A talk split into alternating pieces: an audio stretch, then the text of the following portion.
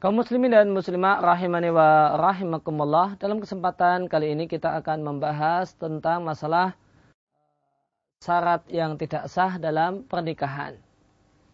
Yang terutama kita akan bahas poin yang pertama karena syarat yang tidak sah dalam pernikahan itu ada dua macam. Yang pertama syaratnya tidak sah dan ini menyebabkan akad batal.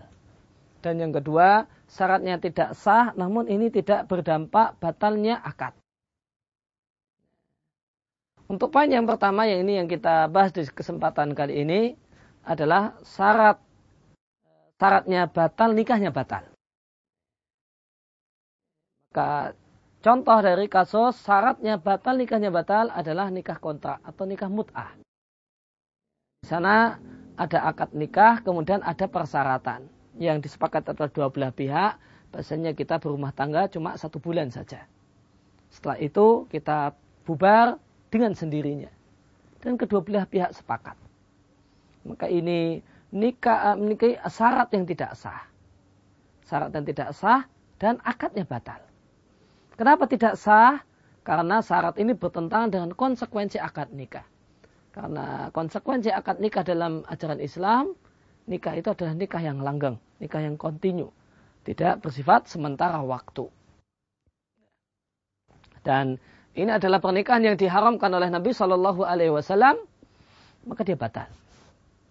Maka dalam hal ini syarat kontrak cuma satu bulan atau satu minggu dalam nikah mut'ah itu adalah persyaratan yang syaratnya batal dan akadnya batal. Kemudian contoh yang kedua adalah nikah tahlil. Nikah untuk nikah e, bohong-bohongan, nikah sandiwara supaya perempuan yang sudah dicerai dengan cerai tiga ini bisa kembali kepada suami yang pertama. Ya, maka boleh jadi terjadi kesepakatan. Dalam nikah tahlil ini banyak modelnya. Salah satu modelnya adalah menggunakan persyaratan.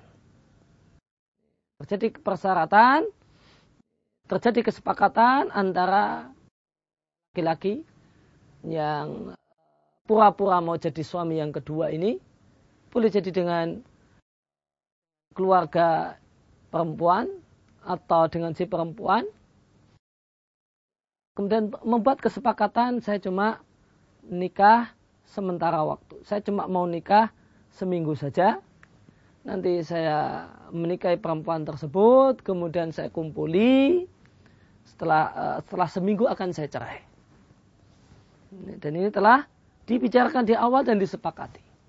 Tujuannya adalah supaya perempuan ini setelah saya cerai dan menjalani masa idah bisa kembali kepada suami yang pertama. Karena dia telah dicerai dengan cerai tiga oleh suami yang pertama, kemudian perempuan ini ingin kembali kepada suami yang pertama.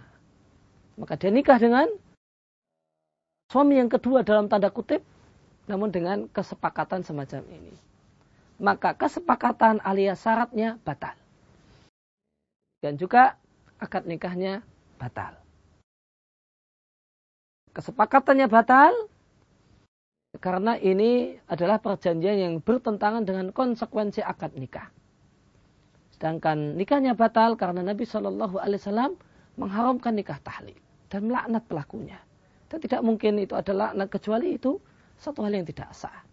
Ya, maka ini contoh perjanjian dan persyaratan dalam pernikahan yang syaratnya batal dan akad nikahnya batal. Di pertemuan yang akan datang akan kita lanjutkan dengan syaratnya batal namun akad nikahnya tidak batal. Demikian yang uh, bisa kami sampaikan. Semoga bermanfaat.